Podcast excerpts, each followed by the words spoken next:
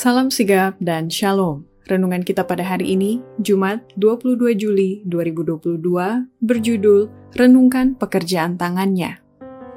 Ayat intinya terdapat di dalam Mazmur 143 ayat 5. Aku teringat kepada hari-hari dahulu kala, aku merenungkan segala pekerjaanmu, aku memikirkan perbuatan tanganmu. Pena Inspirasi menuliskan yang dimaksud dengan judul renungan kita pagi ini, renungkan pekerjaan tangannya, dikarenakan dia akan memanggil, aku akan menjawab, supaya kita mengalami kasih Allah yang tiada bandingnya itu, dan kemudian dengan penuh keberanian datang menghampiri tahta kasih karunia Allah adalah sebagai berikut.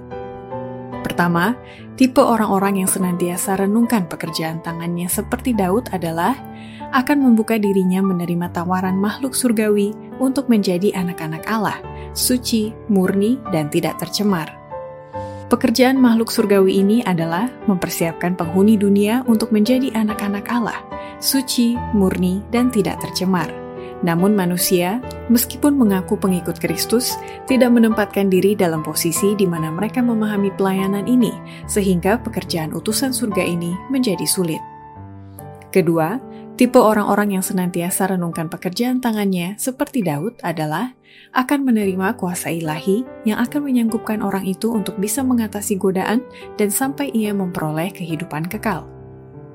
Bapa menghargai setiap jiwa yang telah dibeli anaknya dengan pemberian hidupnya.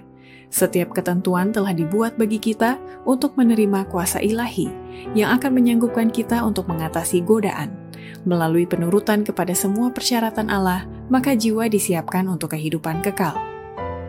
Ketiga, tipe orang-orang yang senantiasa renungkan pekerjaan tangannya seperti Daud adalah akan berjalan di jalan Tuhan di masa penghakiman yang sedang berlangsung saat ini. Kita sedang melakukan pekerjaan kita bagi penghakiman. Marilah kita menjadi para pelajar Yesus. Kita memerlukan tuntutannya setiap saat pada setiap langkah, kita harus bertanya, apakah ini jalan Tuhan? Bukan, apakah ini jalan orang yang ada di atasku?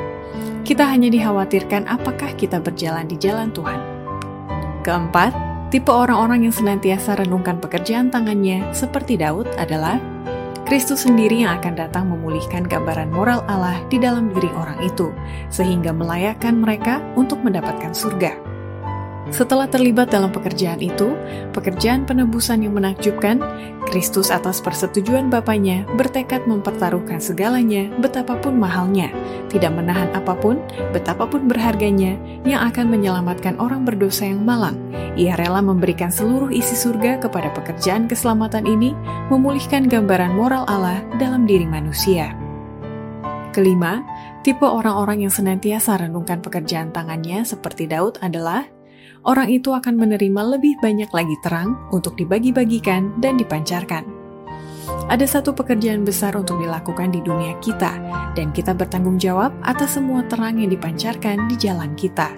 Berikan terang itu, dan engkau akan menerima lebih banyak terang untuk dibagi-bagikan. Berkat besar akan datang kepada mereka yang menggunakan talentanya dengan benar. Demikianlah renungan kita pagi ini. Kiranya Tuhan memberkati kita semua.